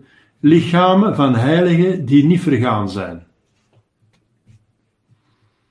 Uh, van Benedetto ook, van Lourdes, is niet vergaan. Nee, dat is Catherine Labouré, zegt hij. Ah, oké. Okay. Ah, ja, okay. Dus Benedetto van Lourdes. Mm -hmm. Dus, dus, er zijn verschillende, uh, dus, en dat zijn tekenen van de hemel, dat betekent dat zelfs, dat zelfs een mirakel. Dat is niet normaal, dat een lichaam niet, niet vergaat. Normaal vergaat een lichaam. Hè. Dat is in Essentials de ook. Hmm. Ja. Dan nog een andere vraag. Al die jeugd die geen geloofs meer, meer meekrijgt, tegenwoordig, wat moeten we daarvan denken? En wel niks. Je moet daar niks van denken, ik zeg het juist, want je mag niet oordelen en veroordelen. je moet daar heel veel medelijden mee hebben. Want die mensen zijn dus, uh, die, die, hebben niet gekregen waar ze recht op hebben. die hebben recht op een goede opvoeding. En een katholieke opvoeding. Ze hebben dat niet meegekregen, dus ze zijn al, uh, ze zijn uh, misdeeld geweest door hun ouders. Ja, misschien hebben hun ouders het ook weer niet meegekregen. Maar in ieder geval, in de jaren voor het concilie was praktisch iedereen katholiek. En nu is plots praktisch niemand meer katholiek. Dus hoe komt dat dan? Dat betekent dat ze het geloof niet hebben doorgegeven. En degene die het niet heeft doorgegeven, die is verantwoordelijk. Maar ja, ik zal ze ook niet oordelen, want dat komt van de paus en van een onfeilbaar concilie, van een onfeilbare paus. Maar die niet onfeilbaar was, en die, het concilie en de paus was niet onfeilbaar, want ze hebben het niet willen gebeuren. Maar dat is natuurlijk een heel moeilijke kwestie geweest. Dat was niet duidelijk. En praktisch de ganse christenheid is in die val gestapt, behalve twee bisschoppen. Dus vanaf de 21 november 1964, waarin dat je te maken hebt met ongeveer een miljard katholieken, met honderdduizenden priesters, duizenden bisschoppen en een honderdtal kardinalen en ik weet niet wat instituten en scholen en abdijen en universiteiten, pauselijke universiteiten eh, en missie en goede werken en uh, dus de ganse katholieke kerk, wat een wereldorganisatie, dat is een wereldregering, dat is een wereldrijk. Een wereldrijk. Echt letterlijk een wereldrijk. Dat van, plots vanaf de 21 november 1964 zijn die allemaal buiten de kerk, door, door ketterij eigenlijk. Al diegenen van de, behalve twee bisschoppen die nog reageren. Monseigneur Lefebvre en uh, uh, de Mayer, die nemen die ketterij niet aan. Dus die blijven in de kerk. En anderen zijn buiten de kerk, of ze nu beseffen of niet. Ze zijn eigenlijk buiten de kerk. Ze, uh, dus, of, dus twee objectief zijn ze buiten de kerk, door de ketterij. Plus al, dus twee bisschoppen, plus die aantal priesters en die aantal gelovigen die, de, die, die gevolgd hebben. Dus dat is enorm. Enorm. Maar ja, uh, dus wij, dus, dus ja, we moeten daarvan denken, niks hè. We moeten daar nu van denken. Jezus zegt oordeelt en veroordeelt niet. Als je daar moet van denken dat dat verkeerd is, dat die niks hebben meegekregen, is verkeerd, hè? Maar wie is schuldig? Dat is niet aan ons om dat uit te gaan zoeken, hè? Die ouders zijn schuldig, ja, maar die hebben misschien een pastoor gevolgd. Die pastoor die moest onderwijs geven. En die pastoor is die schuldig. Ja, die heeft misschien een bischop gevolgd. En een bischop heeft een, een valse paus gevolgd. Die dacht dat hij een echte paus was. Enzovoort. Dus wie is er schuldig? Ik, ik mag het niet uitmaken. Je moet daar niks van denken. Maar je moet wel denken dat het verkeerd is. Wel, je moet toepassen wat ik u gezegd heb. Het is verkeerd, maar oordeelt en veroordeelt niemand. Hè? Dat is niet aan ons. Er wordt gezegd dat het een verloren generatie is. Is dat zo? Dat zal God uitmaken. Hè? Als die jeugd slachtoffer is, dan is geen verloren generatie. Dan zal God oordelen. Uh, God houdt rekening met omstandigheden. Als je weinig ze hebben weinig talenten meegekregen. Weinig. En wel, als je met die weinige talenten dat je nog goed gedaan hebt, dan gaat je daarover geoordeeld worden. Laat God erover oordelen. Maar iemand die meer moeilijkheden heeft, die krijgt ook meer genade. Hè? Vergeet dat niet. Dat is de goedheid van God en de rechtvaardigheid van God. Maar dat die mensen dus niet het onderricht hebben gehad waar ze het op hebben, dat is niet hun schuld. Ze hebben het ook maar ondergaan. Hm. Dus er wordt gezegd, ja, een verloren generatie, ja, dat moet gaan met een kolossaal nemen, oordeelt en veroordeelt niet. Verloren generatie om daar priesters van te maken, ja. En goede priesters in de kloosterling, dat is een beetje moeilijk, hè. Van een gedrogeerde die helemaal uh, zot gemaakt is van de seks en, uh, en die, die leeft er maar op losgelegd volgens zijn gevoelens en zijn goestingen en die niet meer nadenkt en die losgekoppeld is, probeert daar nog eens een roeping van uit te krijgen. Dat is een beetje moeilijk, hè? Dus verloren in die zin, ik weet niet, het is moeilijk om daar op natuurlijk vlak gezien, menselijk gezien, is dat heel moeilijk om daar nog iets goed uit te krijgen. Maar laat God oordelen.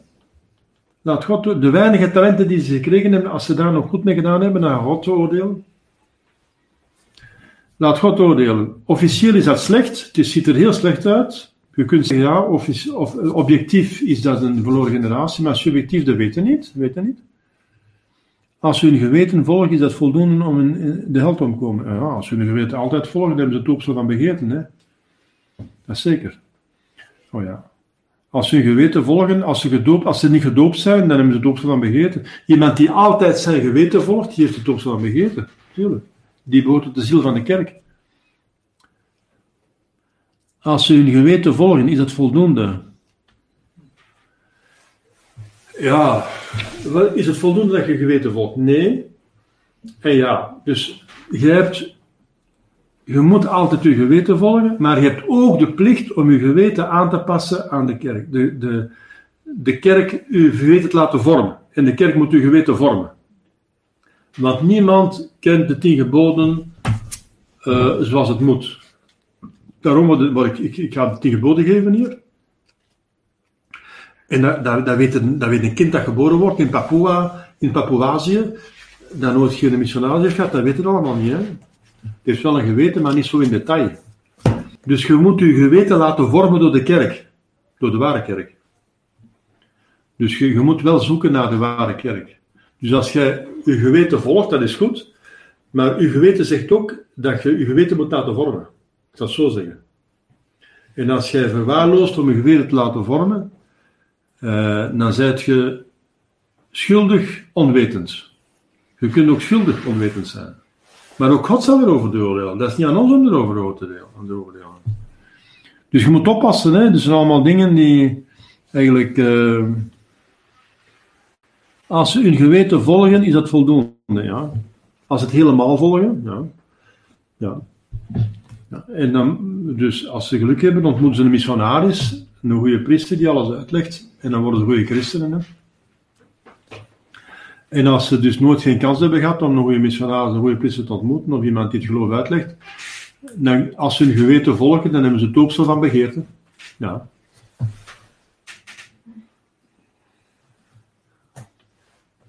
Goed, dus dat laatste eh, eh, vraag hier. Is er nog een vraag? Ja, eh, dus iedereen komt te sterven op basis van de erfzonde. Ja, Ehm, maar Elias en Henos zouden nog leven. ja. Maar ehm, die hebben de erfzonde ook. Dus die zijn, die zijn opgenomen in een hemel, staat in de Heilige Schrift. Maar er zijn verschillende hemelen. Hè? Die hebben geen verheerlijk lichaam. Die, hebben een lichaam. die zijn een lichaam dat wij hebben ook, hetzelfde. Dus opgenomen. Dus die kunnen God niet zien. Want in dit lichaam kun je. Om God te zien heb je een verheerlijk lichaam nodig. Dus die kunnen God niet zien.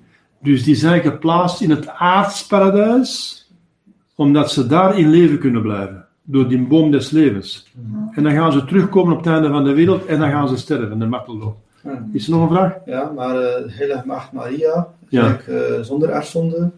Die is zonder erfzonde, ja. En die is wel gestorven. Natuurlijk, zeker. Ja, ja. Die is zoals Adam en Eva, hè? die waren ook zonder, zonder zonde. Adam en Eva waren geschapen zonder zonde. Die aan de erfzonde wel.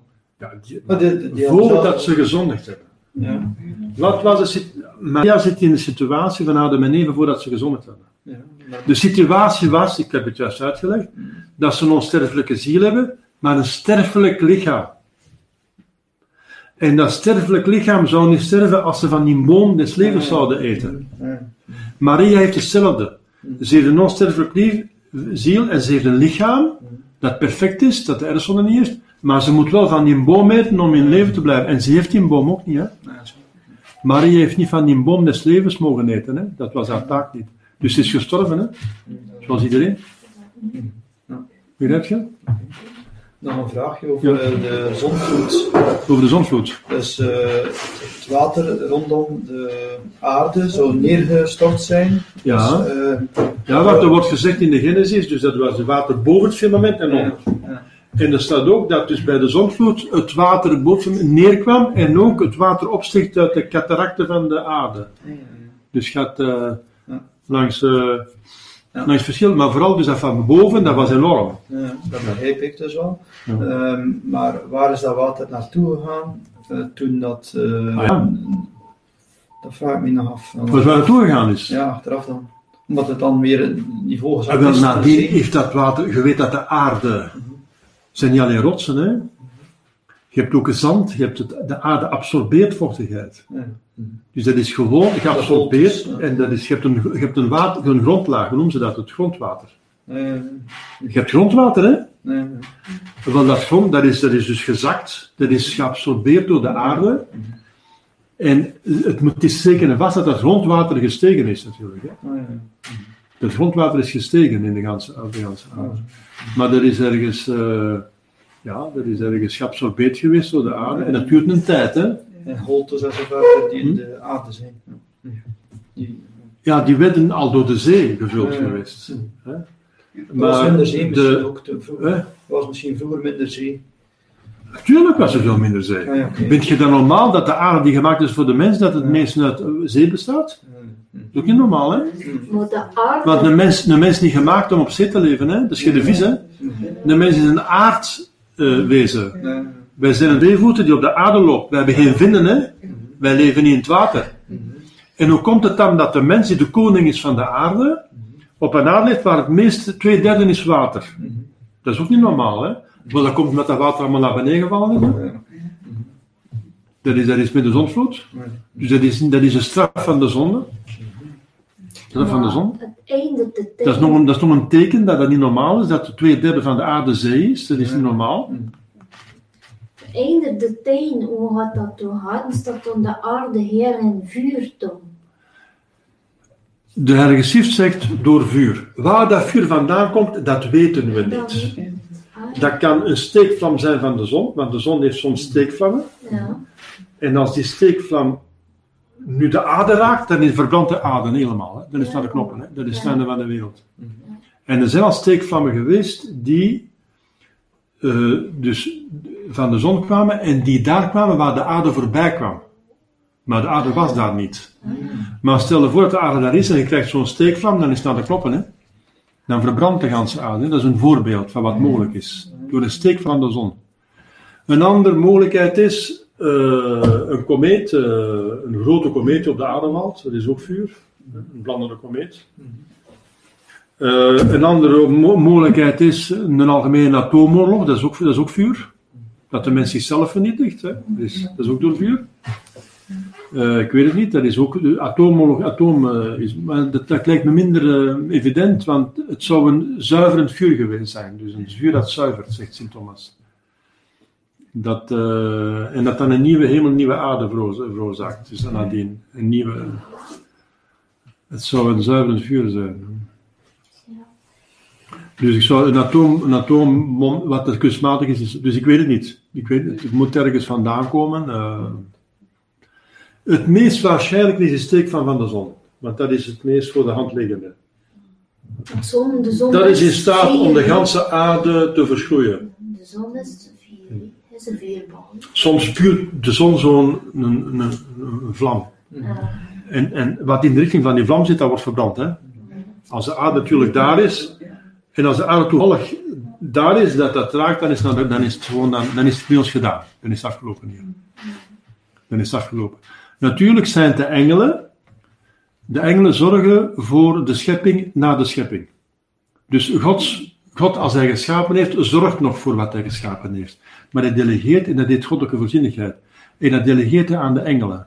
Dus de engelen zorgen ervoor, zolang als eh, het einde van de wereld niet gekomen is, dat ze de zon niet zo'n vlam op de aarde afstuurt. Hè. Daar, kunnen de engelen voor zorgen. Hè. Want de engelen oefenen. Er zijn engelen aangesteld over de planeten, over de planten, over de dieren, over de mensen. Eh, iedere mens heeft een engelbewaarder. Een stad heeft een engelbewaarder, een land heeft een engelbewaarder. De kerk heeft een engelbewaarder van de kerk, is een heilige Michael. Eh, er zijn vier aartsengelen die wij kennen. Eh, Michael, Gabriel en Raphaël, die staan in de Heilige Schrift. En je toch nog Uriel. Uriel staat in het boek van Henoch. In het boek van Henoch eh, is geloofwaardig, omdat de Heilige Schrift zelf naar Henoch verwijst. Want in zijn brief, Sint Petrus, in zijn brief, die in de Heilige Schrift staat, de brief van Sint Petrus, het epistel van Petrus, daarin zegt hij, zoals geschreven staat in het boek van Henoch. Dus dat is de Heilige Schrift. Dus de Heilige Schrift eh, beveelt het boek van Henoch aan als geloofwaardig. En wel in het boek van Henoch staat dat Uriel ook een aartsengel is. Dus we hebben vier namen, dus van vier aartsengelen. En dat zijn en aartsengelen en engelen zijn engelen die eh, voor de schepping zorgen. Hm? De aartsengelen zijn edeler dan de engelen. Dus de aartsengelen hebben een belangrijke taken dan de engelen. Dus je hebt een bewaarengel, voor ons. Maar je hebt aartsengelen, die eh, bijvoorbeeld de heilige Michael is de aartsengel van Jezus Christus en van de kerk. Dat is een belangrijke functie dan een, eh, een engelbewaarder van ik weet niet wie. En dan eh, de heilige Gabriel heeft dus zoals je weet de boodschap gebracht aan Maria. Dat is een heel hoge functie, hè? en met de menswording. Enzovoort. Dus dat is eh, dan wel. Goed. Dus God zorgt voor de schepping via zijn engelen. En die engelen zullen ervoor zorgen, dus de, de hebben ook, dus dat de aarde niet een beetje dichter bij de zon komt, want dan wordt alles te warm. Dan vergaan we van de warmte. Of niet te, een klein beetje weggaat van de zon, dan ver- vervriezen we. Dat is maar een kwestie van een paar tienduizend kilometer. Hè? Als, de, als de aarde 10.000 kilometer eh, dichter bij eh, de zon komt, dan verbrandt alles. Dan, dan gaan we kapot van de warmte. Gaan ze 10.000 kilometer verder van de zon af, dan vervriezen we allemaal dood. En, en, en 10.000 kilometer is praktisch niks in vergelijking met de afstand tussen aarde en zon. Dat is, een klein beetje. Dus dat, dat, dat die, de aarde wordt werkelijk eh, in stand gehouden op de juiste afstand om niet te warm of te koud. En dat wordt door de engelen geregeld, natuurlijk. Dat is al eeuwen zo. Die engelen zorgen ervoor. Dat, dat is een engel die ervoor zorgt. Want dat, dat, is, dat is een geweldig mechanisme. Dus de aarde mag niet. eh, dus die, die, die, aard, die, die baan van de aarde om de zon, dat is een ongelooflijke zaak. Hè? De engelbewaarder van de aarde. hè. Ja, Precies. je kunt je zeggen, de engelbewaarder van de aarde. Ja. Ja. Een, een engel is in staat om materie te bewegen. Op materie te, eh, invloed uit te oefenen. En dat kan, eh, die kan op een naald zitten, de top van een naald, en die kan een planeet bewegen. Dus dat is, dus dat is, dat is geen probleem. Hè? Dus God werkt, dus de voorzienigheid van God, dus de zorg van God voor, na, nadat hij geschapen heeft, dat eh, vertrouwt hij toe aan de engelen. En ook aan de mensen. De mensen moeten ook zorg dragen voor de, voor, voor de schepping. Maar ja, je ziet wat de mensen van, van, van teweeg brengen. Ja. Van, van de schepping. Maar ik denk dat we rond zijn. Eh, ik heb nu al meer dan, eh, oei, eh, bijna twee uur gesproken. Ja. Alles in orde? Dan gaan we afsluiten, hè? Ja. Ja. Goed, in naam van de Vader en de Zoon en de Heilige Geest samen. Wees gegroet, Maria, vol van genade. De Heer is met u gezegend. Zijt gij boven alle vrouwen en gezegend is de vrucht van uw lichaam, Jezus. Heilige Maria, Moeder Gods, bid voor ons arme zondaars, nu en in het uur van onze dood. En Amen. Heilige Jozef, Bid voor onze ons, engelbewaarders, bid voor ons, onze heilige patronen. bid voor In naam van de ons. Vader en de Zoon en de Heilige Geest samen. Nu tot de volgende keer.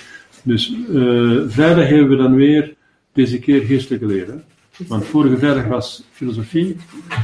En om de week is het filosofie of